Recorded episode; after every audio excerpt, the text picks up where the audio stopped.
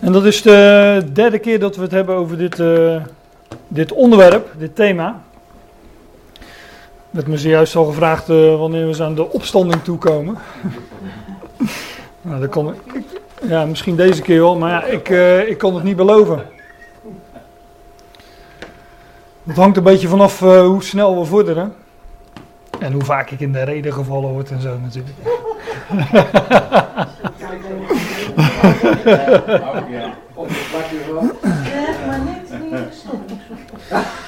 um, ik, ik heb geen dia gemaakt met een, uh, met een terugblik. Maar um, ik, heb, uh, ik heb wel even snel nog even de, de kopjes uh, door zitten nemen van wat we zoal behandeld hebben. En dat, laat ik dat dan even noemen om het geheugen op te frissen. we zijn Eigenlijk is de uitvalsbasis Matthäus 27 en dan zijn we in het begin van het hoofdstuk eh, begonnen op de dag, uh, de ochtend, uh, in de ochtend dat Jezus gekruisigd werd. En daar, um, ja, daar komt Jezus voor Pilatus te staan. we hebben het gehad over de zelfmoord van, van Judas. Vervolgens dat Jezus bespot werd en, en weggeleid jullie weten wel, met die uh, mantel, die purperen mantel en die doornenkroon. Um, vervolgens wordt hij naar Gogolta geleid en uh, wordt zijn kruis gedragen door uh, Simon van Sirene. Daar hebben we het ook nog over gehad. De aankomst en, kruisiging op Gogolta. En de andere gekruisigde natuurlijk. Daar hebben we het heel uitgebreid over gehad. um, Ja, en de, dat de Heer, uh, wanneer, hij gekruisigd was, de gebeurtenissen daar, uh, daaromheen. Hè, zijn uitroep, mijn God, mijn God, waarom hebt gij mij verlaten? en de vorige keer, aan het einde, waren we aangekomen in, in vers 49. Um, waar, hij, waar, de, waar, waar, Jezus zojuist die uitroep had gedaan, mijn God, mijn God, waarom hebt gij mij verlaten? Uh, dat is in het uh, Aramees geweest, hè? Eloi, Eloi, lama sabachthani. Of hoe je dat ook uit mogen spreken. En de toeschouwers die zeggen dan van, uh, hij, ro hij, roept Elia, laten we kijken of, of hij komt. Nou, vervolgens loopt er dan iemand nog naar hem toe met een sponsor, met edik gevuld om hem te drinken te geven. En dan staat er, maar de overigen zeiden, laat gaan, laten we waarnemen of Elia komt om hem te redden. Ze begrepen dus ook nog niet eens wat hij zei. Want hij zei dat uh, in het Aramees. Er zou namelijk, uh, dat heb ik volgens mij vorige keer ook gezegd, uh, dit is ook weer een vooruitblik op wat er zou gebeuren. Zou in belachelijke lippen tot dit volk gesproken worden. Ze zouden namelijk, ze zouden, ja, het zou ook voor hen verborgen worden. Ze zouden het niet begrijpen.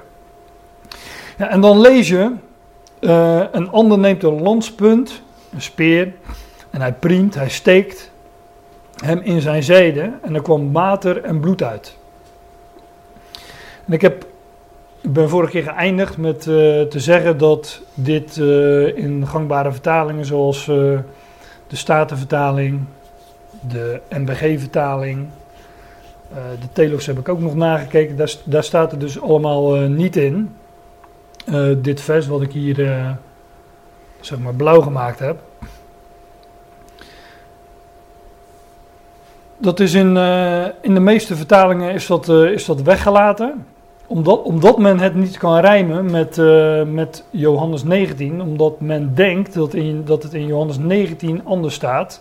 Omdat men denkt dat het in Johannes 19 er zo staat dat Jezus met die speer gestoken wordt toen, werd toen hij al dood was. Dat is ook wat ik vroeger geleerd heb. Maar uh, in de oud, in, in, in, in heel veel handschriften, heel veel oude handschriften. Ik heb er hier een paar genoemd. De Nes, ik weet niet of jullie daarmee uh, bekend zijn, uh, die namen als vaker gehoord hebt. Nest, Nest, Nestle, ik weet, ik weet niet hoe je het uitspreekt. Niet, niet van die koffie, maar Nestlé. Maar de Sinaiticus, de Vaticanus, Codex Ephraimi. Um, enzovoorts heb ik erbij gezet. Dat zijn allemaal handschriften waarin dit, uh, dit vers wel zo uh, uh, genoemd wordt. En ik heb mezelf laten vertellen dat het het merendeel is van de oudere handschriften die, eh, die dit vers weergeven. en ja, er zijn nog wat van die handschriften en sommige hebben een mooie naam. Um, en sommige hebben slechts een, letter of een nummer. Ik heb er niet echt heel veel verstand van, maar ja, ik zie als je studiebijbels uh, de commentaar leest of de verschillen, dan kom je die nummers en die cijfers en, en, dit, soort, dit soort namen vanzelf tegen.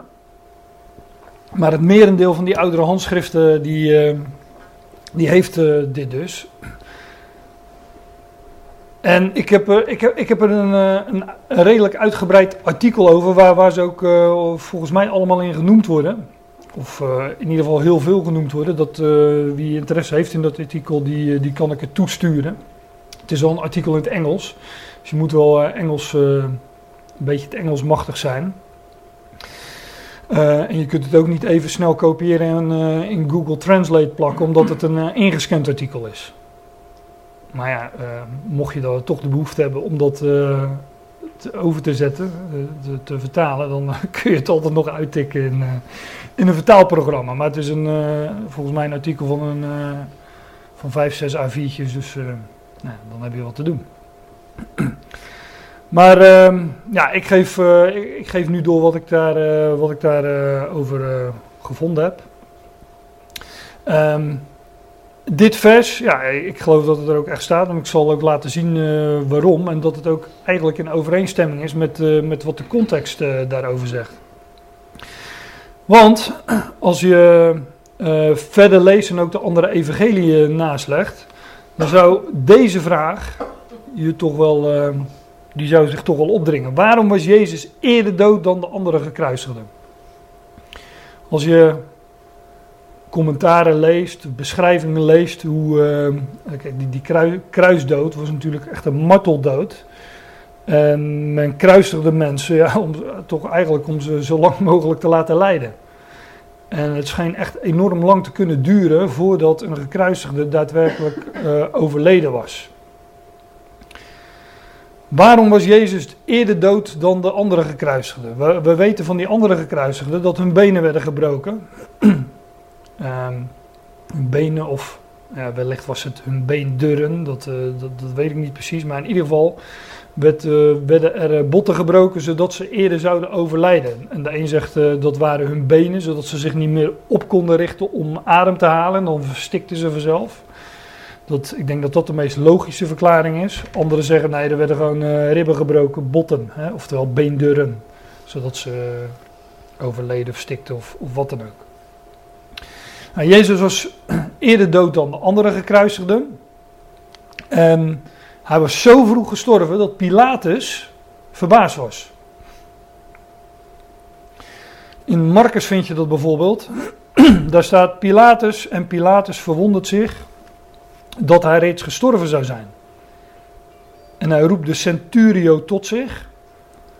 Centurio, dat is een uh, hoofdman over honderd. Cent is, uh, dat betekent uh, honderd of honderdste. Hij roept de centurio tot zich. Die komen straks nog tegen trouwens, die centurio. En hij stelt hem de vraag of hij lang geleden stierf. En wanneer hij het van de centurio weet, schenkt hij het lijk aan Jozef. Jozef van Arimathea. Die, daar komen we straks ook nog wel uh, over als ik er aan, uh, aan toe kom.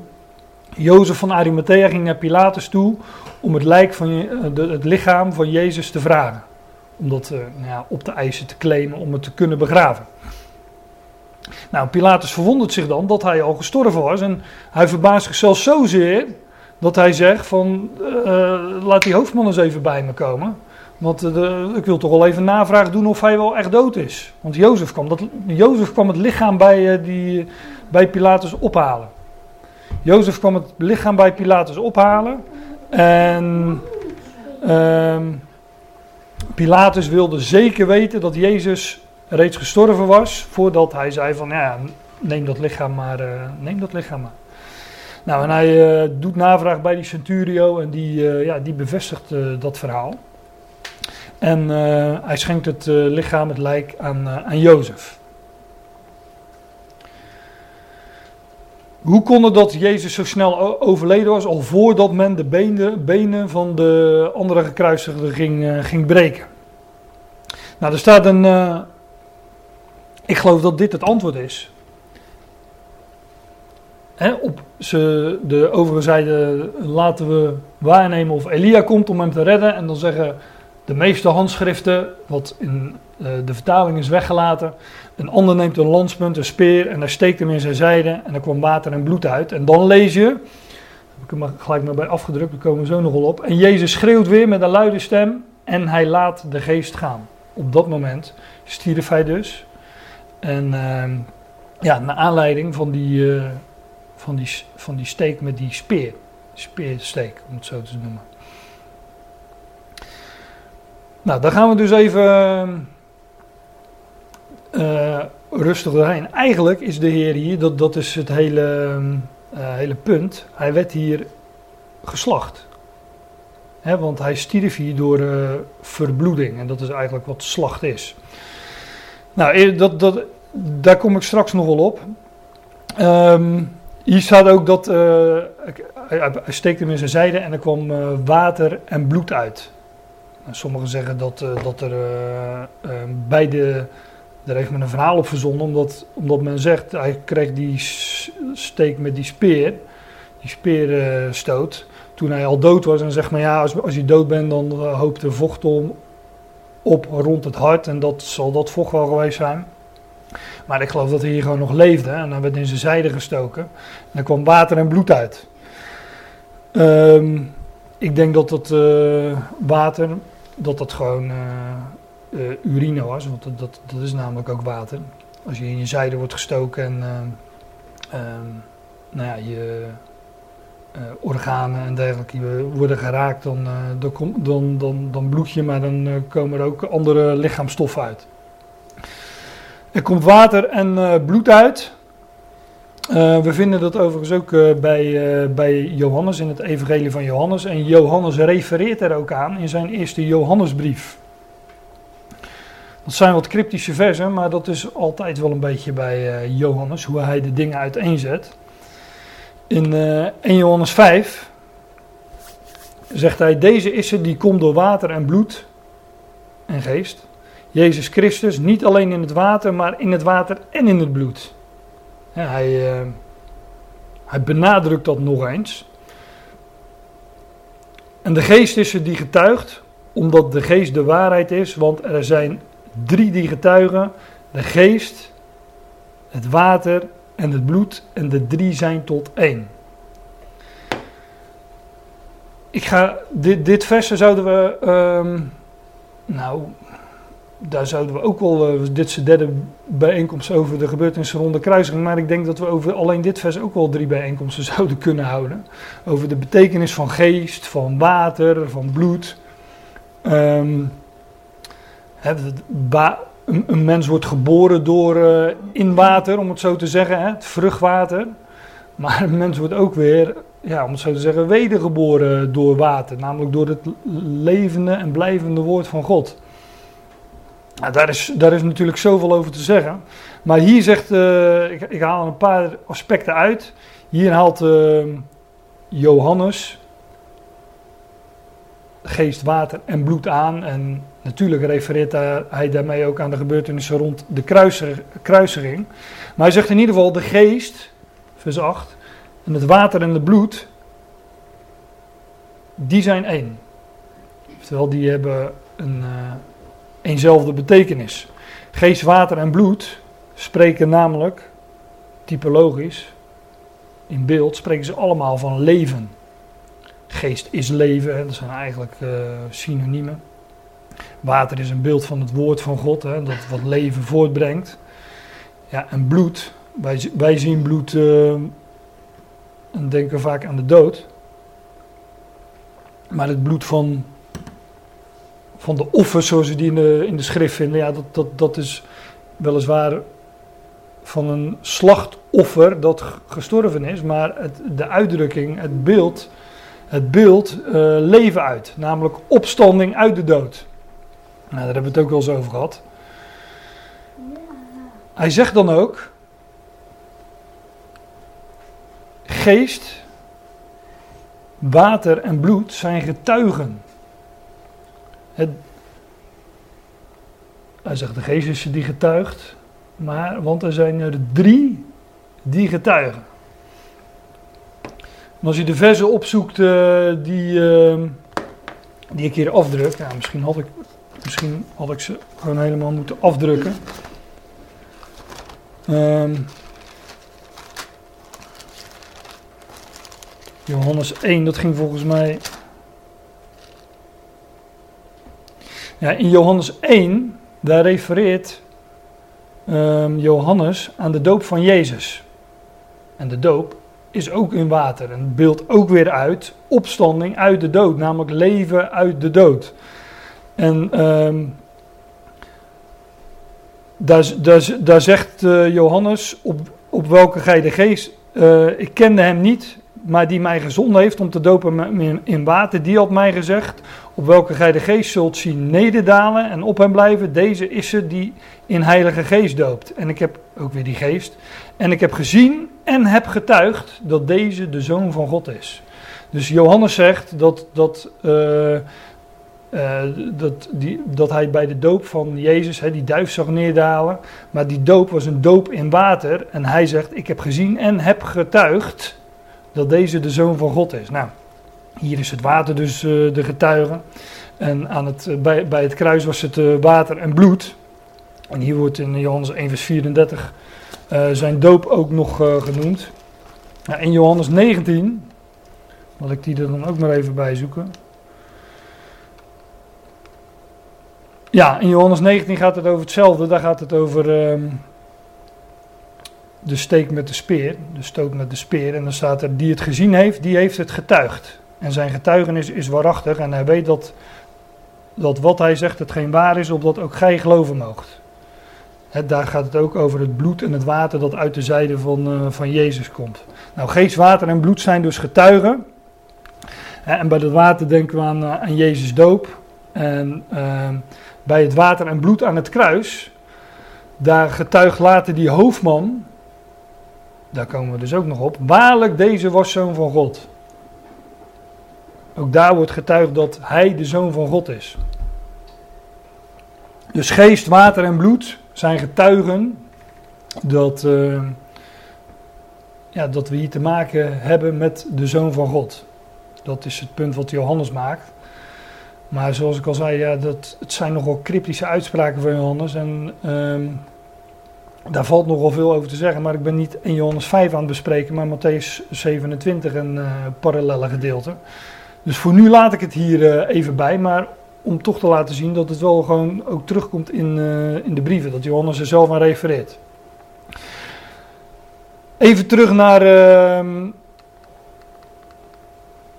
naar dat moment. Een ander neemt een, een landspunt en hij priemt hem in zijn zijde. Er kwam water en bloed uit. De Heer werd hier aan het kruis geslacht zoals het paaslam werd geslacht. En dat is ook, dat is ook in de brieven, in, in, uh, in Korinthe 5, zegt Paulus, want ook ons paascha, Christus, werd voor ons geslacht. En paascha, dat is een, uh, een andere naam, uh, tenminste dat, dat is een naam voor dat paaslam. Met Pesach of Pascha, of hoe je het ook wil noemen, werden er uh, lammeren geslacht. Op de 14e van de maand uh, Nisan in de avond werden er uh, lammeren, werd het paaslam geslacht. En Paulus zegt hier in 1 Korinthe 5, ja, ook ons Pascha, ook ons paaslam. Met een hoofdletter, Christus namelijk, werd voor ons geslacht. En, het, uh, en dat gebeurde ook nog eens precies op hetzelfde moment. Dat de, de Heer werd op precies hetzelfde moment aan dat kruis hangende geslacht als dat die paaslammeren geslacht werden. Kijk, ook dat zou natuurlijk een studie op zich zijn, omdat, uh, uh, om al die hoogtijden ernaast te leggen. Die feesten die de Heer, die inzettingen die de Heer gegeven had. Hè, men moest een paaslam in huis nemen. op de tiende van de maand was het geloof ik. En dat moest men op de veertiende in de avond slachten. En de Heer werd gekruisigd. En op in de avond van de 14e werd hij geslacht aan het kruis. Precies zoals dat paaslam geslacht werd, want hij is namelijk de vervulling van, dat, uh, van die inzetting.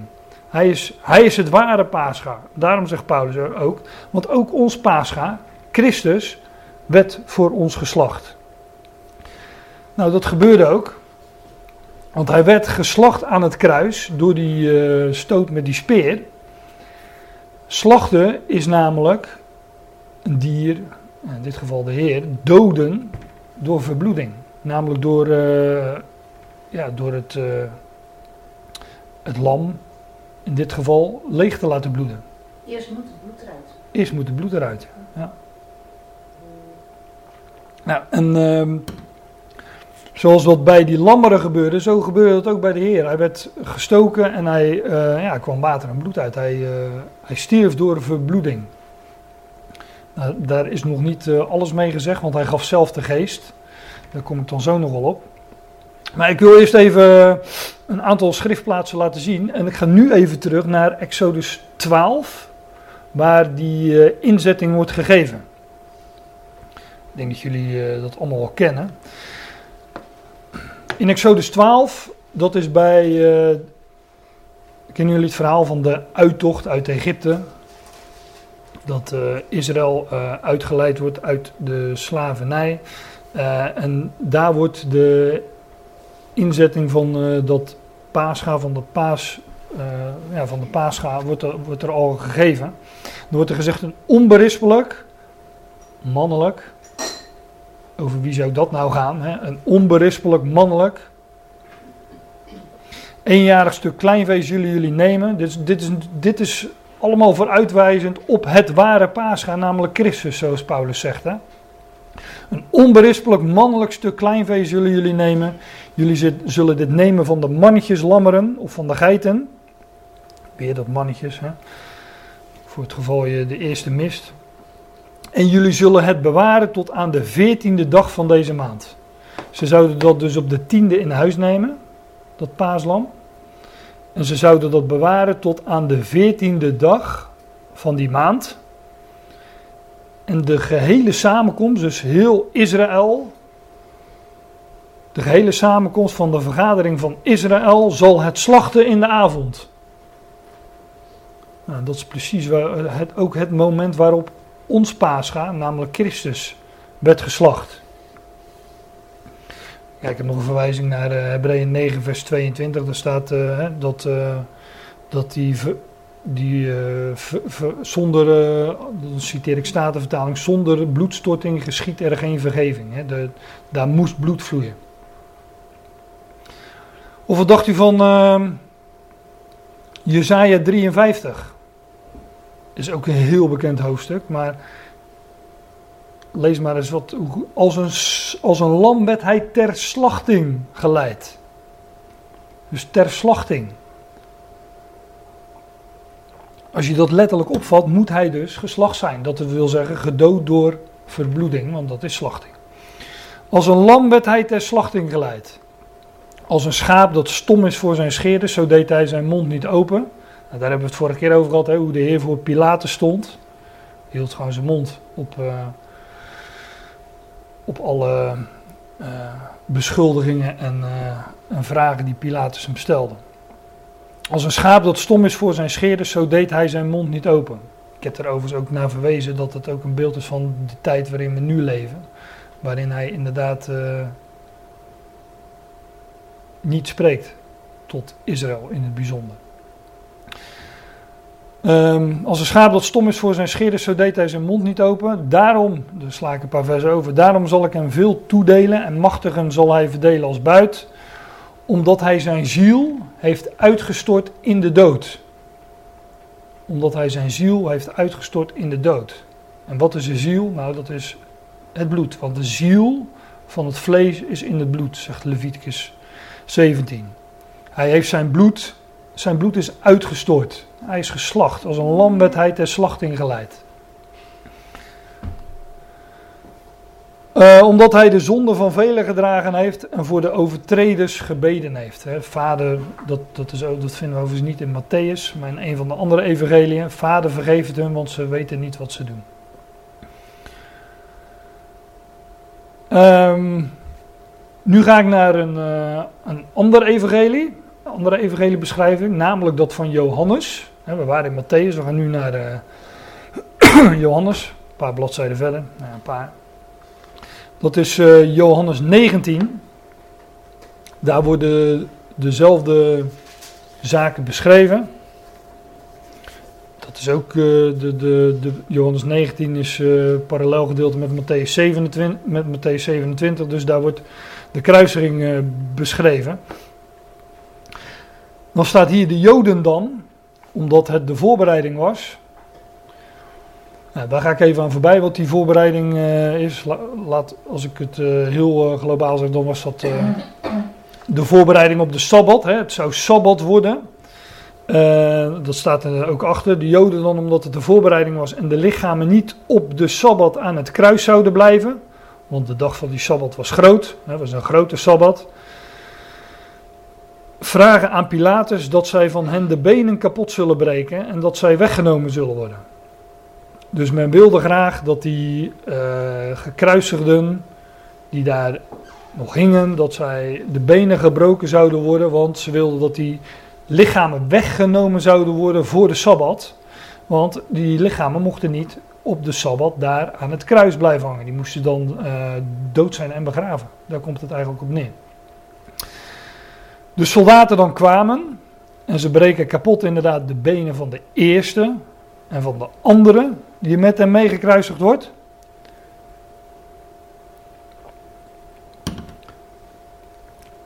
En nu spring ik even naar een, uh, weer terug naar Exodus 12.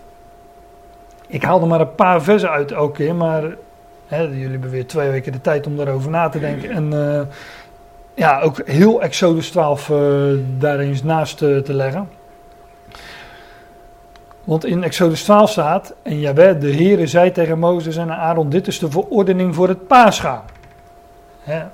Paulus zegt, ook ons paascha, Christus werd voor ons geslacht.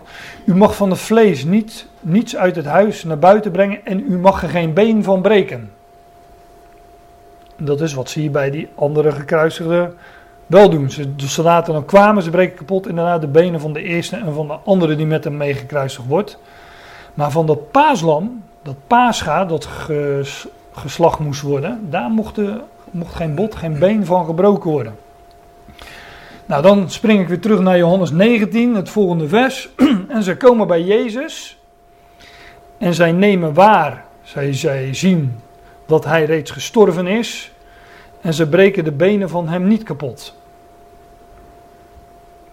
Dus volledig in overeenstemming met die profetie over dat paaslam worden zijn benen of botten of beenderen eh, worden niet gebroken. Want hij is het ware Pascha, dus er zou geen been van hem gebroken worden. maar een van de soldaten priemt met een lanspunt in zijn zijde en meteen kwam er bloed en water uit. Dat vers dus, wat we zojuist ook al even bekeken. En uh, voor, uh, om zo uh, precies mogelijk te zijn, heb ik ook de interlineaire maar bij, bij afgedrukt.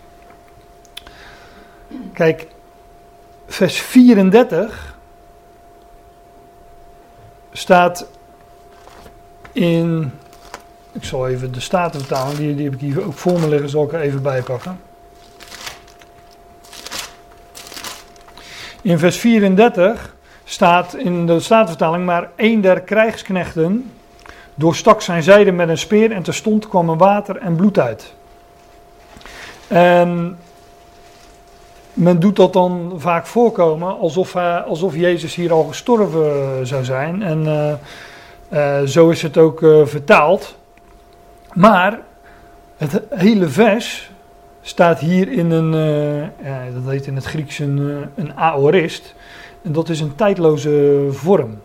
Daar wordt geen tijd bij vermeld, hè, van dat het al gebeurd was of nog moest gebeuren. Dit, dit is gewoon de vaststelling van een feit. Hier wordt een feit weergegeven.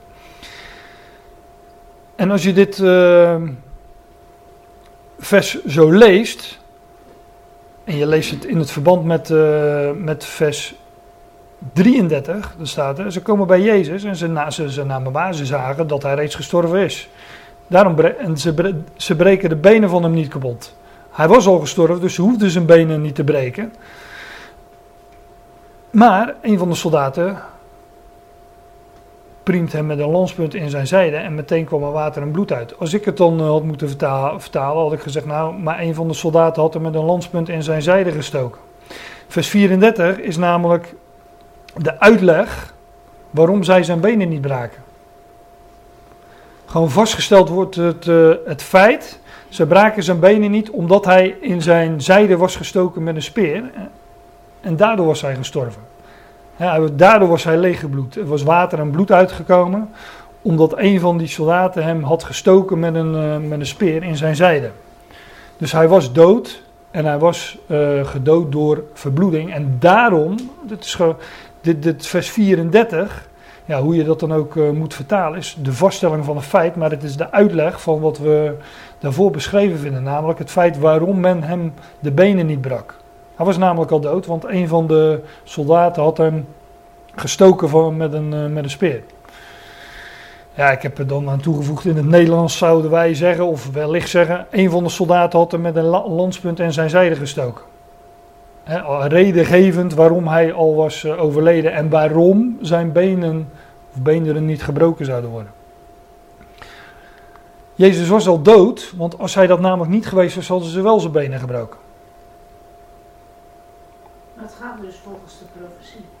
Het ga, ja, en het is volledig in overeenstemming met de profetie. En als hij, um, als hij, al, als hij overleden zou zijn, als hij gestorven zou zijn door, uh, ja, weet ik veel, door uitputting of uh, hoe, hoe, verstikking, hè, want zo sterf je volgens mij aan een kruis, heb ik me laten vertellen. Door verstikking en door uitputting. Ja, dan heb je toch wel, als je de profetieën ernaast legt, wel wat, uh, wat vragen. Want dat paaslam, dat werd later ook gegeten. Dat, dat werd gegeten bij de paascha-maaltijd. Uh, en er waren allerlei regels omtrent het eten, sowieso het eten van dieren. Um, wanneer men dat wel en niet mocht eten. En een dier werd geslacht door verbloeding, door het leeg te laten bloeden. Want de ziel is in het bloed en dat bloed zou men niet eten enzovoort. En een, um, een, een, een, dier dat niet gestorven was door verbloeding, maar bijvoorbeeld door, uh, door verstikking of uitputting, ja, dat was onrein. Dat mocht men ook niet eten. Dus daarom werd ook dat paaslam geslacht. En die, uh, die, die, die, uit, die, ja, die uitleg zoals we dat hier vinden, en zoals het in die me meeste handschriften wel staat, met onze oudere, uh, in onze vertalingen is weggelaten. Ja, wat, hoe het in onze vertaling staat, is het niet in overeenstemming met de profetie. Maar zoals het in die handschriften staat, dat hij geslacht is door, uh, door en, en gedood is door verbloeding, namelijk door, de, door die landsstoot. Dat is dus wel in overeenstemming met de profetie. Ons paascha, ons paaslam, Christus is voor ons geslacht. Hij was dus dood doordat een soldaat hem eerder had gestoken met een speer. En vers 34 is de uitleg van het voorgaan. Hij was dus geslacht als een lam, als, als het paascha. En ook hier zegt Johannes dan, en hij die het gezien heeft, heeft ervan getuigd. En zijn getuigenis is waar en hij weet dat hij waarheidsgetrouwe dingen zegt, opdat ook jullie zullen geloven. He, dat, dat geest, water, bloed, dat zijn getuigen. En uh, Johannes die spreekt van het water in zijn, uh, in, zijn evangelie, bij, uh, al bij Johannes 1, bij Johannes de Doper en bij de doop van Jezus. Hier gaat het over het water en het bloed dat getuigen zijn. Ja, en de, de, over de geest heeft hij het natuurlijk ook. Um, in de dingen die hij uh, heeft genoteerd. Hij die het gezien heeft, heeft ervan getuigd en zijn getuigenis is waar en hij weet dat hij waarheidsgetrouwe dingen zegt, opdat ook jullie zullen geloven. Want dit gebeurde opdat het schriftwoord vervuld zou worden, geen bot van hem zal verbrijzeld worden. En weer een ander schriftwoord zegt, zij zullen hem zien die zij doorsteken. Ja, nogmaals, dat staat dus in uh, Exodus 12, hè, dat uh, geen bot van hem verbroken zou worden, van dat paaslam namelijk. En hier in Johannes wordt dat, wordt dat aangehaald door Johannes. En hij verwijst daarmee naar dat, uh, naar dat, ja, naar dat paascha zoals, dat, zoals die inzetting werd gegeven aan het volk Israël bij de uittocht uit Egypte. Overigens, zij zullen hem zien die zij doorsteken. Dat vind je in, uh, in Zacharia. Het is het hoofdstuk 12, meen ik, 13. Vers 10. Ja. Ja, je hebt toch altijd onder je hoofdstuk... Ja, ja, er staan natuurlijk tekstverwijzingen in. Uh, ja, Zacharia 12 vers 10. Nou, had ik ook kunnen... ja, nou dat klopt, staat er gewoon, ja, bij mij ook. Als je een goede, tenminste als je een bijbel hebt met goede tekstverwijzingen, dan staat het er.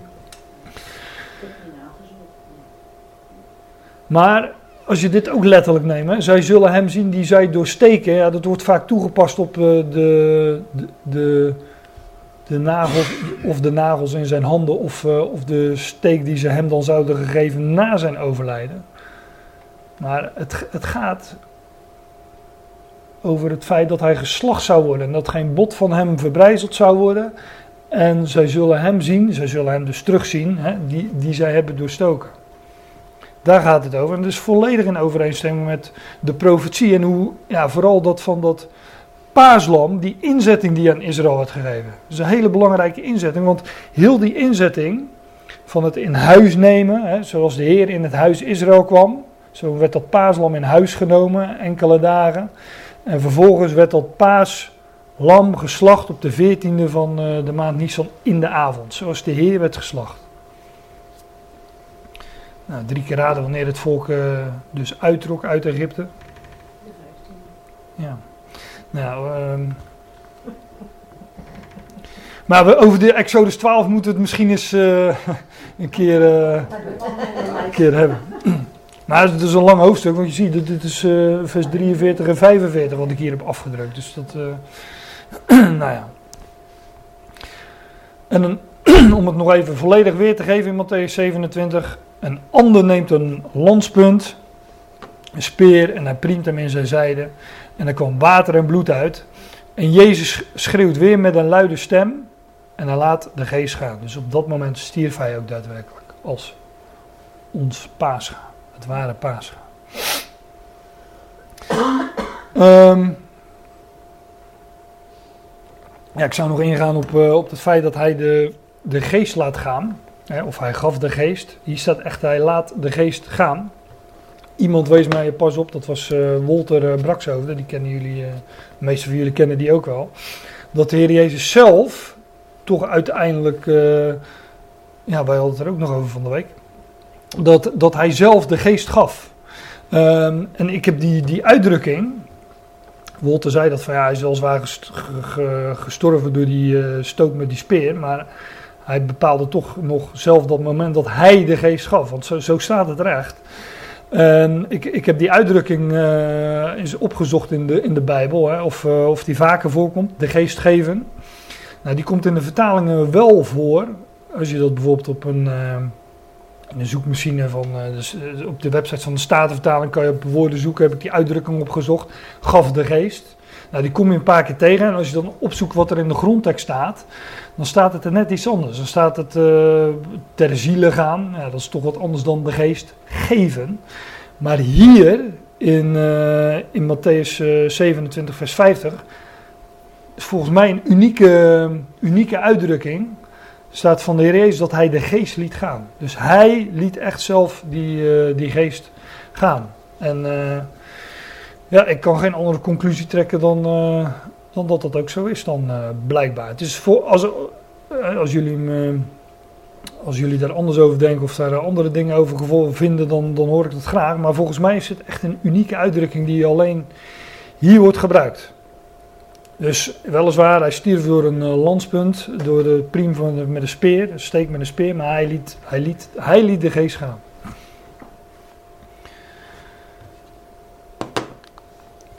Ja, en dan staat er en neem waar, ziet, het gordijn van de tempel wordt van boven tot beneden in tweeën gespleten. en de aarde beefde, beeft en de rotsen worden gespleten.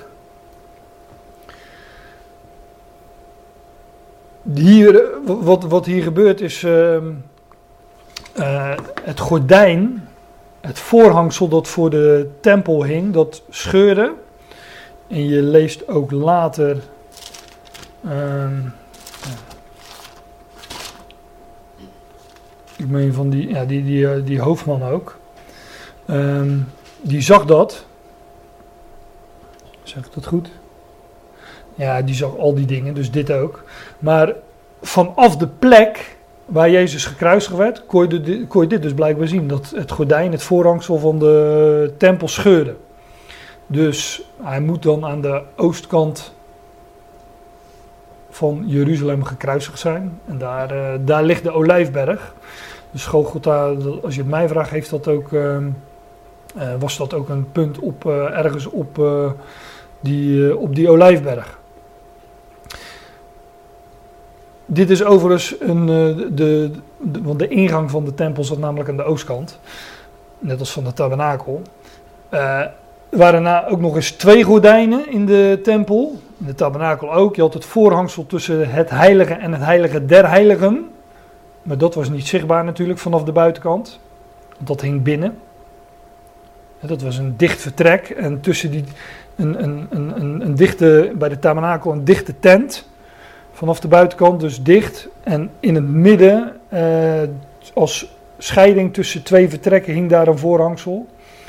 Maar aan de, bij de tabernakel had je dus een poort. Daar hing ook een. Uh, uh, uh, ik bedoel, bij de tabernakel aan de voorkant had je ook een, een gordijn om daar binnen te komen. Nou, dat hing bij de tempel dus ook.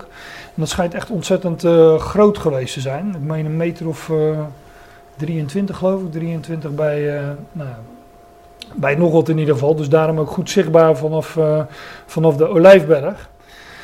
Maar dat gordijn dat dus aan de voorkant van de tempel hing, wat dus van buitenaf zichtbaar was, dat scheurde. En dat gordijn van de tempel wordt van boven tot beneden in tweeën gespleten. Staat er ook. Uh, en de aarde beeft en de rotsen worden gespleten. Uh, dat doet mij denken aan, uh, aan Hebreeën 10. Want in Hebreeën 10 staat. Omdat wij dan, broeders, vrijmoedigheid hebben om in te gaan in de heiligdommen.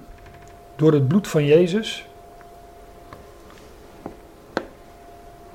ik, ik ga het echt kort proberen te zeggen, maar hier gaat het over de tabernakel, hè, wat de voorloper, de port, portable versie was van de tempel natuurlijk. Hier gaat het over de tabernakel, waar, uh, waar, Paul, uh, waar de Hebreeënbrief schrijver, ik denk dat het Paulus als commentaar op geeft en die typologie daarachter uitlegt. En hij zegt, wij hebben dan broeders vrijmoedigheid om in te gaan in de heiligdommen, namelijk in die twee heilige plaatsen, het heilige en het heilige der heiligen. Door het bloed van Jezus. Je moet je je voorstellen dat het absoluut verboden was voor, um, voor het volk om in te gaan in die heiligdommen. Dat, dat mocht niet. Dat kon niet, dat mocht niet. Er waren alleen priesters die in het heilige, in het heilige mochten komen. Onder bepaalde voorwaarden en die daar dienst deden. En er was de hoge priester die één keer per jaar in dat allerheiligste vertrek mocht komen, in het heilige der heiligen, namelijk op grote verzoendag. En op grote verzoendag werd daar bloed gesprenkeld op het, uh, uh, op het verzoendeksel en werd het volk, uh, werden alle zonden van heel het volk bedekt, verzoend. Nou, hier zegt Paulus, wij hebben dan, broeders, vrijmoedigheid om in te gaan in de heiligdommen door, door het bloed van Jezus langs de pasgeslachten, dat staat er echt letterlijk. Er staat in de vertaling zoiets als een nieuwe en levende weg, maar er staat een pasgeslachte en levende weg. Het gaat hier over de geslacht, het geslachte paaslam, het ware paascha dat voor ons geslacht werd, Christus, die weliswaar geslacht werd, maar leeft. En daarom de pas geslachte en levende weg. Hij is de weg, de waarheid en het leven. Dat is ook Johannes trouwens. Die hij voor ons inwijdt door het gordijn, door het voorhangsel, dat is zijn vlees. Dus op het moment dat de Heer stierf, in Matthäus uh, 27, wat we zojuist lagen, scheurde dat gordijn van boven naar beneden. En daar zit natuurlijk ook nog typologie in, dat de weg vrijgemaakt werd, hè, van boven naar beneden. God kwam tot de mens uh, vanuit de hemel op aarde in zijn zoon. Maar wij hebben nu door hem vrijmoedigheid om in te gaan in die heiligdommen. Waar die hoge priester eenmaal per jaar maar mocht komen, onder bepaalde voorwaarden. En als hij daar niet aan voldeed, dan uh, het altijd maar de vraag of hij terugkwam. Want op straffen des doods moest er aan die voorwaarden voldaan worden. Eén keer per jaar mocht die hoge priester in dat heilige, allerheiligste vertrek ingaan. Om daar verzoening te doen voor de zonde. En Paulus, uh, dus Hebreeënbrief schrijven, nou, ik noem maar gewoon Paulus, want ik, uh, ik denk dat het Paulus was. Paulus zegt, wij hebben dan broeders vrijmoedigheid om in te gaan in die heiligdommen, hè, waar dat heiligdom natuurlijk typologisch van spreekt, dat is namelijk de hemel zelf, door het bloed van Jezus langs de pas geslachte en levende weg. Er werd door die hoge priester bloed gesprenkeld op de weg dat hij door, die, door dat heiligdom liep. En als het ware werd daar een, een weg van bloed gemaakt, gesprenkeld door die hoge priester. En wij mogen zo die hoge priester volgen dat heiligdom in. En die hoge priester is een beeld van Christus, de ware hoge priester, die in de hemel is. En wij mogen hem zo achterna lopen dat heiligdom is, dat heiligdom in. En dat is langs de pas geslachte en levende weg, die hij voor ons inwijdt. Hij heeft die weg ingewijd door het gordijn, dat is zijn vlees door zijn, uh, ja, door zijn kruisdood en daarna natuurlijk zijn opstanding, mogen wij hem volgen. En ja, alles wat vroeger niet mocht, om het zo te zeggen, wij kunnen dat gewoon met vrijmoedigheid doen. En dat heiligdom ingaan, achter die hoge priester aan. Schuurde daarom dat gordijn, dat je er gewoon in mocht? Ja, ze hebben dat gordijn natuurlijk wel weer hersteld, de, de Joden, maar... Dat was nog wel een heel werk. Dat zal een heel werk geweest zijn. Maar typologisch is het zo dat daarmee de weg vrijgemaakt werd, het heiligdom binnen. Ja, want Israël had, geen, uh, had op dat moment had geen hemelse positie. Maar wij, voor ons werd ja, als het ware die hemel, die, dat heiligdom werd geopend. In Hebreeën 9 vind je dat, volgens mij is het vers 24. Daar staat echt letterlijk dat dat heiligdom, die tabernakel, een beeld is van de ware tabernakel, namelijk de hemel zelf. Nou, hier werd die weg geopend. Hij ging daar uh, als eerste door naar binnen en wij mogen hem daar met vrijmoedigheid in volgen. Laten wij dan toetreden, toegaan met een waarheidsgetrouw hart, in volle zekerheid van het geloof, met harten die besprenkeld zijn van een boosaardig geweten en met een lichaam dat gebaat is in rein water. Ja, daar zit nog van alles achter natuurlijk, van ook dat koperen wasvat dat bij die uh, tempel en de tabernakel stond. Wij, zijn, worden gewassen met rein water. En uh, nou, we hadden het net over Johannes, die kon daar ook over meepraten natuurlijk, want die beschrijft die voetwassing ook van Jezus, waar de discipelen de voeten gereinigd werden. Maar dat, ja, dat, dat kleine zinnetje, hè, dat, de, dat, dat het voorhangsel, dat gordijn scheuren van boven naar beneden, ja, dat, dat, daar, zit, daar zit zoveel achter. Daar, en dat wordt uitgelegd in de Hebreeënbrief. Daar, daar daar stierf hij, daar, verscheurde als het ware. Nou, hij, werd niet, hij werd niet letterlijk verscheurd, maar hij stierf. En daardoor, uh, door, zijn, door zijn vlees. Um, hoe staat het er? Dat, dat gordijn is een uitbeelding van zijn vlees. Dat voorhangsel van die tempel is een uitbeelding van zijn vlees. En dat verscheurde. En daardoor werd de weg vrijgebaand. En mogen, kunnen wij toetreden met een waarheidsgetrouw hart. In volle zekerheid van het geloof kunnen daar gewoon achteraan lopen. En die hoge priester, die, was, die kwam daar op grote verzoendag. Alleen e- eenmaal per jaar kwam de hoge priester daar op grote verzoendag om uh, alle zonden van heel het volk weg te nemen. Nou, hij is daar naar binnen gegaan en sindsdien is het grote verzoendag. En kunnen wij daar achteraan lopen. Dus wij leven eigenlijk in een, uh, een hele lange grote verzoendag. En voordat we naar vers 52 gaan, gaan we eerst even koffie drinken. Dan gaan we verder. Uh, Het gordijn van de tempel werd van boven tot beneden in tweeën gespleten. De aarde de rotsen worden gespleten. Nou, daar hebben we het over gehad.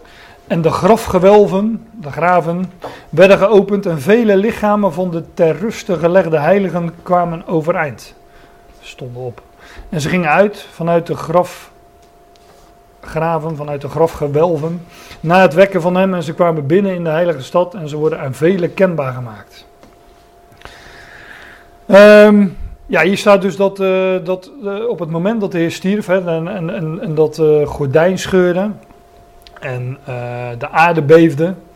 Het was dus echt een. ja, dat moet, dat moet heel indrukwekkend geweest zijn. Wat er allemaal gebeurde. En er werden zelfs graven geopend. En vele lichamen van ter ruste gelegde heiligen, overleden gelovigen dus, gelovigen die al waren overleden, die kwamen overeind, die stonden op. En zij gingen uit vanuit de graven. En uh, nadat, hij, nadat hij opgewekt was, is, uh, kwamen ze ook in de heilige stad. Hoe je dat nou precies moet lezen, dat uh, weet ik eerlijk gezegd niet. Ik bedoel, zij, op, het moment van het overlijden van Jezus stonden zij op. Maar er staat dat ze pas in de heilige stad kwamen nadat hij opgewekt werd. En dat is toch drie dagen later. Dus hoe dat dan precies gegaan is, weet ik niet. Maar zo staat het er wel letterlijk. Ja, ik, ja dus dat kan je natuurlijk. Uh, dit is het enige wat ervan gezegd wordt, dus je, de rest moet je, moet je erbij denken. Buiten Jeruzalem. Ja. Ja, en de vraag is natuurlijk van uh, wat, wat betekent dit en waarom uh, stonden deze mensen op? nou, ik ken daar eigenlijk maar één verklaring van. En, um, maar ja, het staat niet in de schrift. Maar ik denk dat deze heiligen, gelovigen dus, dat die de Heer Jezus zelf gekend hebben. En dat ze in hem geloofden. En dat zij voordat Jezus stierf en opstond, overleden zijn. En dat zij daarom opgewekt worden. Want uh, er zit nogal een verschil tussen... Uh, zeg maar oud-testamentische geloven, om dat even zo te zeggen, en, en ons als, uh, als gelovigen na de opstanding van Christus. Want wij behoren tot het lichaam van Christus. En dat was daarvoor natuurlijk niet zo. En de enige logische verklaring, maar het is een verklaring, uh, die ik kan bedenken, is dat deze mensen gelovigen waren, die in de Heer Jezus geloofden als uh, Messias. Dat zij door hier weer opgewekt te worden, alsnog uh, ja, werden toegevoegd aan het lichaam van Christus. Dus nog, ja, hoe zeg je dat? Nieuw-testamentische gelovigen werden, maar ja, ze, zij, zij ontvingen het leven van Christus. En dat kon natuurlijk dat kon niet daarvoor, want Christus was de eersteling die dat leven ontving. En zij hebben nog enige tijd geleefd, zijn daarna natuurlijk alsnog overleden. Ja, en dus zullen zij uh, bij, uh, ja, bij de wegrukking delen in, uh, in, die, in die opstanding. Dat is de enige zinnige verklaring die, die ik ken en de meest logische ook. Maar dat betekent wel dat ik opensta voor, voor andere verklaringen. Maar meer kan ik er niet over zeggen eigenlijk. Wat ik wel van vind is dat er vele lichamen van de teruggelegde heiligen ja. Dat kan je ook lezen als niet alle lichamen van de... Heiligen zijn afgezonderd. Ja, heiligen zijn sowieso gelovigen en, uh, en er lagen er nogal wat natuurlijk. Ja, maar Die vele van de, dus... Ja. Maar niet allemaal. Nee, zo kan nee. nee, niet allemaal, maar uh, alle gelovigen van Adam tot Christus zijn, uh, alle gelovigen van Adam tot nu zijn, zou je kunnen duiden als heiligen. Dus als die allemaal uh, op waren. Maar ze zijn later wel weer gestorven? Ze zijn later weer gestorven, ja, want ze ontvingen, geen, ze ontvingen hier niet het leven van de eersteling Christus, want hij is de enige en, en ook de eerste die dat ontving natuurlijk. Dus ze kregen dat sowieso niet voor hem. Um, maar ze, zij zullen daar wel, omdat ze, ze zullen daar nog wel in, uh, zij zullen daar wel in delen. En uh, de, zoals Paulus in 1 Korinthe 15 zegt, hè, de, dat Christus de eerste is die levend gemaakt is. Hè, iedereen zijn rangorde, de eersteling Christus, daarna die van Christus zijn in zijn parousia. Dus uh, zij zullen daar dan alsnog deel in, in hebben. Ook in uh, fases? Ja, ook in fases, ja. ja. Ook weer een onderwerp apart. Ja. Jezus. Ja. Kijk, in de Heer Jezus, eh, toen, toen, dat is in Johannes 11 meen ik, maar toen hij, eh, toen hij Lazarus riep van Lazarus eh, sta op of Lazarus kom uit, noemde hij ook zijn naam. Hè? Ik bedoel, want anders, anders hadden alle doden daar op dat moment opgestaan. Hij is de levensvorst, maar hij, hij riep specifiek Lazarus, maar die is ook weer gestorven. En die jongeling van Nain, nou deze gelovigen zijn ook weer gestorven. Ze, ze, ze, ze zijn opgestaan, maar nog niet levend gemaakt. Ze kregen het oude leven terug, om het zo te zeggen. Maar we gaan verder. Anders komen we niet eens aan het eind van dit hoofdstuk.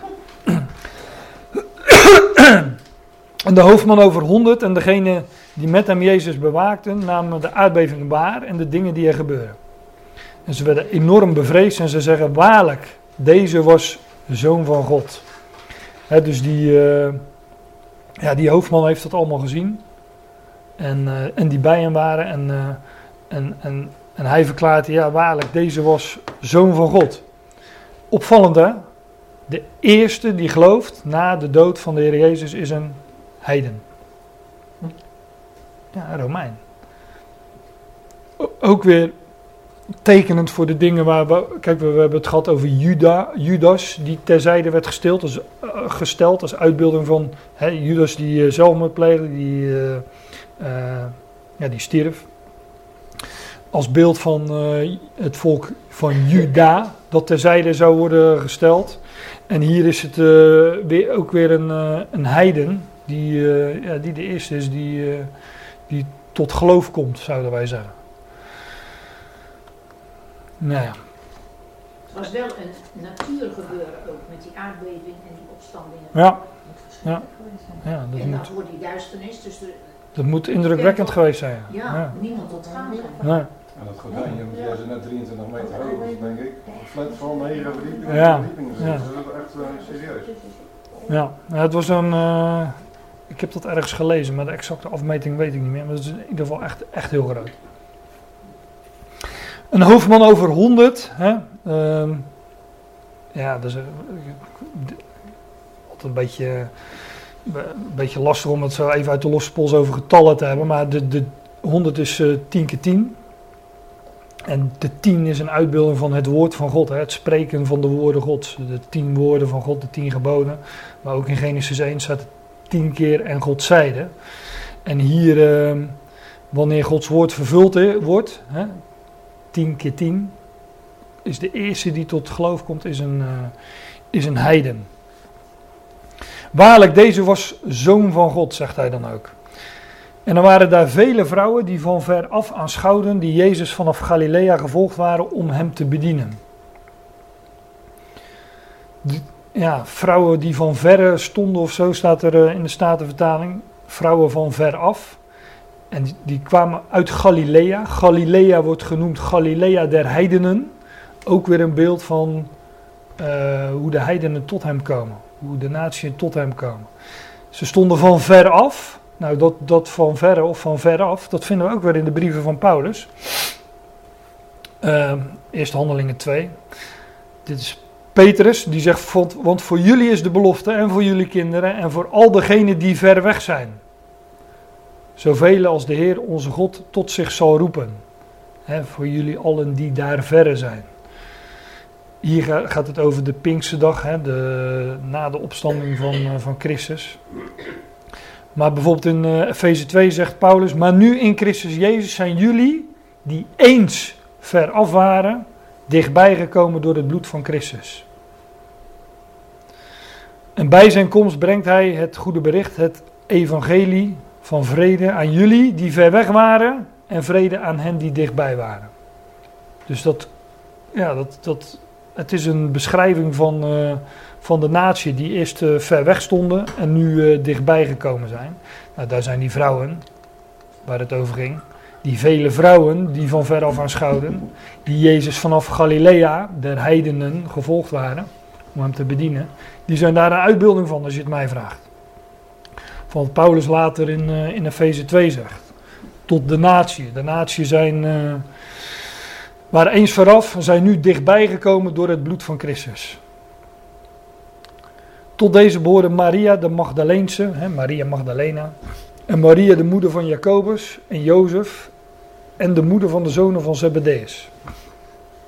Ja, ik heb nog even geaarzeld om, eh, de- om al die evangelie naast elkaar te leggen, eh, maar dan wordt het een, eh, een studie over al die Maria's, want dat zijn er nogal wat eh, in de schrift. Maar dat, daar ga ik even aan, eh, aan voorbij. Ik ga verder naar eh, vers 57. Want daar vinden we weer, eh, ja, weer een nieuwe, nieuwe gebeurtenis, om het zo te zeggen. En het wordt avond en er kwam een rijk mens vanaf Arimathea, genaamd Jozef, die ook een leerling van Jezus is. Deze komt tot Pilatus en hij verzoekt het lichaam van Jezus. Dan beveelt Pilatus het lichaam af te geven. Vanuit, we hadden al gezien vanuit het evangelie van Johannes dat Pilatus verbaasd was, maar dat beschrijft Matthäus dus niet. Pilatus was verbaasd dat, Heer- dat, dat, dat, dat hij al was gestorven. Maar dat vinden we hier dan niet beschreven. Maar wat, wat, wat, dit is opvallend. Een rijk mens vanaf Arimathea en die heet Jozef.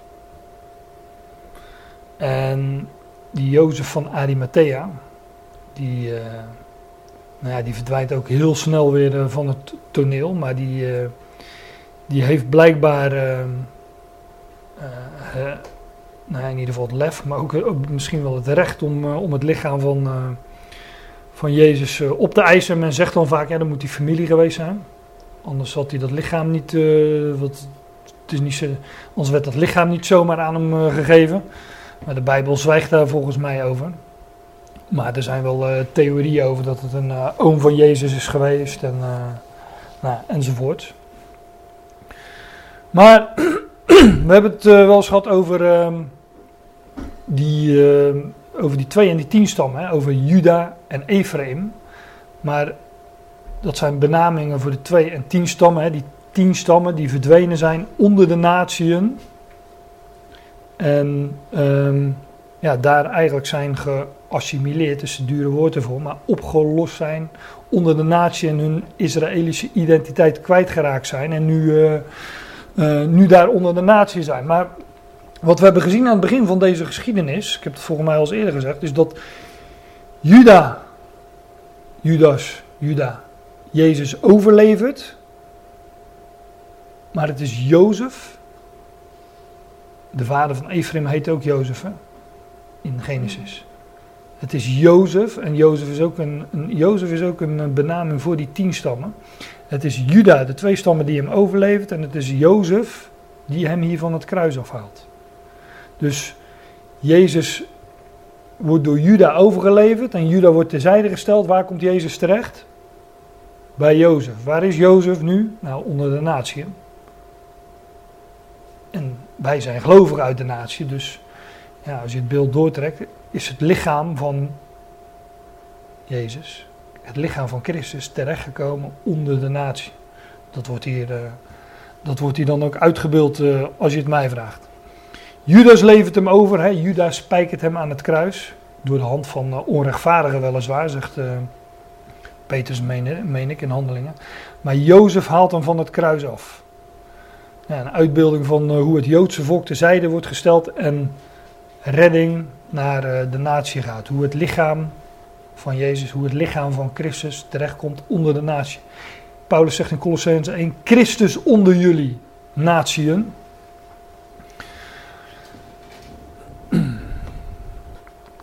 En Jozef neemt het lichaam en hij wikkelt het in een uh, reine linnen wikkeldoek. Um, ja, dat uh, uh, linnen is priesterlijke kleding. We hadden het net al even over die hoge priester, hè, die, die dat heiligdom inging op Grote Verzoendag. Nou, die had een, een, een, een kleed aan. Um, en een van die, een van die priesterlijke, priesterlijke kleden was van wit linnen.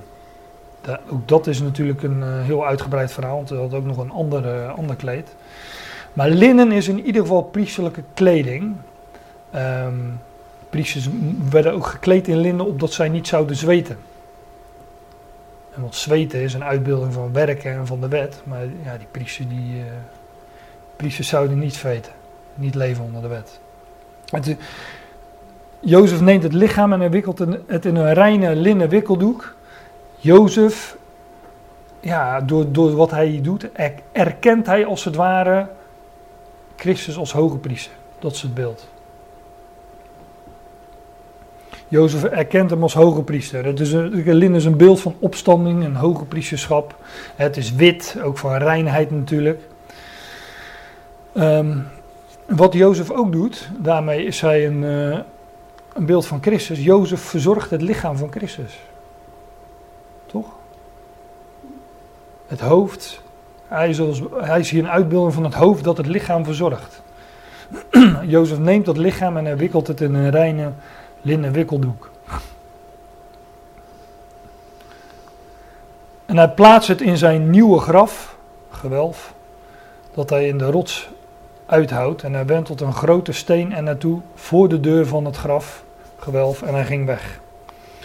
En Maria, de Magdaleense, was daar en de andere Maria en ze zitten tegenover het graf. dus Jozef die, uh, die legt dat lichaam van Jezus in een, uh, in een, in een nieuw graf. Let ook op hoe, hoe het er staat, hè? een nieuw graf. Het is allemaal overbodig om dat erbij te zeggen dat het nieuw was, maar het is natuurlijk de plaats waar Christus opstaat uit de doden, waar ook het nieuwe verbond, uh, waar nieuw leven, een nieuw verbond tot stand wordt gebracht. Een nieuw graf. Dat hij in de rots. Hij had het zelf uitgehouden. Ja, dat denk ik. Dat is wel hoe het hier staat. Voor... André schreef vanochtend in zijn dagstukje dat, dat er leven uit die rots kwam. Net als bij Mozes, die sloeg de rots in de woestijn. Ja, bij Mozes kwam er eh, water uit, hè, leven, en hier kwam eh, de Heer eruit, uh, opgestaan uit de dood. Maar en bracht, bracht nieuw leven voor. grote stenen naartoe, maar dat was zo zwaar, dat kon hij nooit alleen doen. Ja, hij went, er staat en hij wentelt een grote steen. Uh. Ja. Maar, die, maar, maar, je leest in een andere evangelie dat de vrouwen onderweg waren en uh, dat ze erover hadden, hoe gaan we die steen voor het graf wegkrijgen? Ja, dat moet een enorme steen geweest zijn. Dat moet best een grote steen geweest zijn. Ja. ja. En hij was bewaakt. Hij was bewaakt, ja. ja dat lezen we straks nog. Een paar, maar waarschijnlijk een heleboel. Ook dat, ja. Maar Jozef uh, legt, legt, het lichaam van Jezus in dit uh, nieuwe graf, dat in de rots was uitgehouden. En dan went tot een grote steen. En maar kijk, die, die rots, is, is, de rots is altijd een beeld van Christus. Dat zegt, de, Paulus zegt dat in 1 Korinthe 10 en daar gaat het over die geschiedenis die jij aanhaalt, Leni, over water dat uit de rots kwam. En dan zegt hij van ja, zij hebben allemaal gedronken uit de geestelijke steenrots, het welke is Christus, zegt Paulus in, uh, in 1 Korinthe 10. Dus de rots is Christus. En hoe groot dat rotsje ook is, want het kan ook een van de. Het kan ook die vijfde steen zijn van, die Goliath versloeg. Hè? Dat, was, dat is een heel klein rotsje. Uh, of die hele grote. Uh, of die, dat steentje dat zonder mensenhanden werd uh, afgehouden in Daniel. En dat naar beneden rolde en heel de aarde vulde. Die rots of die steen, dat is, dat is een beeld van Christus. En ook nou, de geschiedenis die jij aanhaalt, dat Mozes uh, op de rots uh, sloeg. En dat, dat die rots water voortbracht, leven namelijk. Ja, en um, hier staat dan dat hij een grote steen voor het graf wentelde. Weet jullie nog dat ik het vorige keer heb gehad over dat wentelen? Gilgal. In het Hebreeuws is wentelen, omwentelen, is Gilgal. En het, uh, toen heb ik uh, uitgelegd dat uh, het. Hij is niet blij. Dat het Hebreeuwse woord Gulgolet. Dat, dat dat omwentelen betekent. En dat daar Gogolta ook van, van is afgeleid. Op Gogolta. ja, daar vond, daar vond de omwenteling plaats. En dit graf dat lees je ook weer uh, in een van de andere evangeliën, dat, dat was daar vlakbij. Dus wel waarschijnlijk ook nog uh, op, op, de Olijfberg of aan de voet van de Olijfberg. Nou, er wordt een grote steen voor, uh, voor de ingang eh, gewenteld en, eh, en hij ging weg. Ja, wentel is schilgal, heeft alles met wedergeboorte te maken. En eh, ja, zij die eens ver af waren, zijn eh, dichtbij gekomen.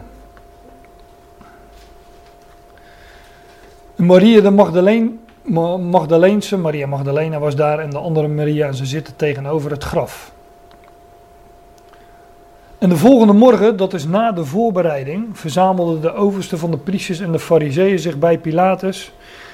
En zij zeggen, Heer, wij worden eraan herinnerd dat diegene die deed dwalen, bij zijn leven zei, na drie dagen zal ik gewekt, opgewekt worden.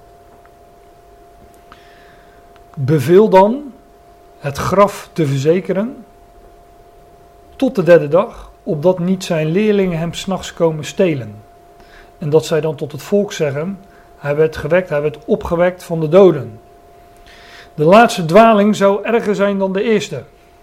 Hè, ze zeggen van ja, dat hij dat gezegd heeft, dat hij na drie dagen zal opstaan, dat is, dat is een dwaling. Maar als ze, dat nou, als ze dan nog ook zijn, zijn lichaam zouden stelen, ja, die dwaling zou erger zijn dan die, eh, dan die eerste. Dat zou echt verschrikkelijk zijn. Dat zeggen ze eigenlijk tegen die Pilatus. En Pilatus die, eh, die zei dan eh, tot hen, jullie hebben een wachtpost, ga heen en verzeker het naar jullie beste weten. En zij gaan en zij verzekeren het graf en zij verzegelen de steen met de wachtpost. dus wat, je, ja, wat er gebeurt is dat die, die, die grote steen, die wordt, er wordt een grote steen voor het graf eh, was er gewenteld. Die, dat graf wordt dus verzegeld. Er wordt een eh, ja, keizerlijk zegel, eh, zo deed men dat volgens mij. Plakkaat? Ja, een soort plakkadertje. Volgens mij doen ze dat nu nog steeds bij eh, crime scenes eh, en dergelijke. Om eh, een deur te verzegelen dat Als die open geweest is. zie je het. En het was, wat ik ook begrepen heb, op, ook op straffen des doods dat zo'n zegel verbroken zou worden. Leuk hè? Het, het graf werd verzegeld. en op straffen des doods. de, de, ja, dat was dus op straffen des doods dat men. Eh, als men dat, eh, dat, dat graf zou openen. en, wie, en wat gebeurde? Nou, hij stond op uit de dood en eh, hij bracht leven en onvergankelijkheid aan het licht. Ja. Dan Ja, had dat hij, wil het allemaal laten zien. Dat daarom ook die doden opstonden. Dat zijn dood leven voor hem. ja, ja, ook dat ja. ja. Eigenlijk is dat het hele verhaal. Dat eh, heb je mooi kort samengevat. Daar heb ik langer over gedaan, uh, Leen. Oh jee, oh jee. Ja, daar zitten wij. Dat gewoon tegelijk zeg. Nou, waar is? Zullen we jou voortaan, eh dat scheelt ons wel tijd. Of dat jij, wat, of dat jij voortaan een samenvatting schrijft, dan... eh, Nou, ik heb nog wel een leuk natuurlijk. eh, zullen we dat even bewaren voor straks dan? eh? Want die verhaaltjes voor jou zijn meestal niet kort.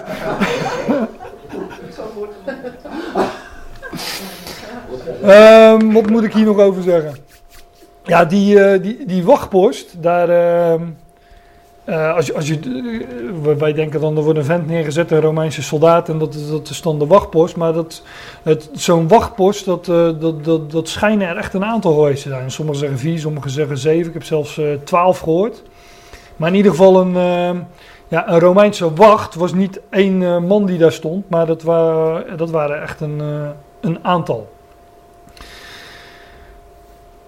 En zij gaan en ze verzekeren het graf en ze verzegelen de steen eh, met de wachtpost. Ja, wat, wat hier natuurlijk eh, uiteindelijk is gebeurd, dat is dat wat Paulus in Colossense zegt. Dat, dat hij de overheden en machten ontwapend heeft. En hij heeft die in het openbaar tentoongesteld, hè, aan te kijk gezet. En hij heeft door hetzelfde het kruis en natuurlijk zijn opstanding over hen getriomfeerd. Gezien. Ja, en dan komen we in Matthäus 28. En ik twijfel nu een beetje of ik verder ga of niet. Ja, ehm, tijd- Cliffhanger. nou ja, laat, laat ik nog even een, eh, een cliffhammer. ehm. bedenken. Nee, ik, ik, ik, kijk, ik, toen ik dit voorbereidde, dacht ik al van, nou, ik weet niet of ik aan Matthäus eh, 28 ga toekomen. En eh, als ik eraan toekom, eh, hoeveel tijd heb ik er dan voor? Toen nam ik door, eh, die eerste versen van Matthäus 28. En wat, wat mij daarin opviel, is dat we hebben het hier, daar hadden we het in de pauze nog even over, we hebben het hier over de belangrijkste gebeurtenis die ooit heeft plaatsgevonden. De, de het belangrijkste in de wereldgeschiedenis wat er ooit heeft plaatsgevonden en nog zal plaatsvinden, dat wordt hier beschreven. En het is maar in een paar versen dat, dat het wordt beschreven. En over de opstanding zelf le- lees je niet eens iets. Je leest dat het graf leeg was en dat de mensen naar dat graf komen en, eh, nou ja, enzovoort. Maar wat er nou precies in dat graf gebeurd is, daar lezen we niets over. Ja, je leest dat er nog, dat is in een andere evangelie, je leest dat de doeken lagen. Dus het is echt heel kort wat je daarover leest, heel sumier. En ehm, terwijl het de belangrijkste gebeurtenis in de geschiedenis is. Maar het is natuurlijk wel zo dat alle brieven in het Nieuwe Testament gaan over de opstanding. En over de consequenties van de opstanding. Dus het wordt natuurlijk nog uitgebreid eh, eh, ja, besproken. Maar het verhaal zelf is echt heel, heel sumier. En zeker in Matthäus. Want ehm, kijk, wat we eigenlijk moeten doen, dat, dat denk ik dan maar dat ik dat volgende keer ga doen, is eh, die, eh, die, die evangeliebeschrijvingen naast elkaar leggen. Want ja, daar wordt, eigenlijk zijn de beschrijvingen nogal, eh, eh, niet, nogal verschillend. En dan bedoel ik niet dat, dat ze in tegenspraak met elkaar zijn, maar alle evangelisten be- ja, bespreken, noemen allemaal verschillende details. Dat is sowieso altijd als, je, als, als, als ik een boek lees of jullie lezen een boek, dan, eh, eh, en we moeten dat reproduceren, we moeten vertellen wat, wa- waar ging dat boek over, dan, dan komen we allemaal met andere details. Dat wil niet zeggen dat die details in tegenspraak met elkaar zijn. Nee, wij, eh, ons vallen andere dingen op. En dat is bij die evangelisten ook, eh, ook het geval. Ehm, maar alleen in Matthäus staat niet zo, eh, zo heel veel. En dan zie je dat ze, dat ze elkaar dus allemaal aanvullen. Ehm, ja, ik wist al dat ik dat sowieso vandaag niet, niet uitgebreid kon doen. Maar nou de tijd loopt gewoon door. Dus het lijkt me goed om, eh, om hier dan even een punt of een eh, punt komma te zetten. En dan de volgende keer verder te gaan. En dan wat uitgebreider eh, hierop in te gaan. En dan laten we het voor nu hierbij. En dan hebben jullie een, een vroegertje zoals dat heet.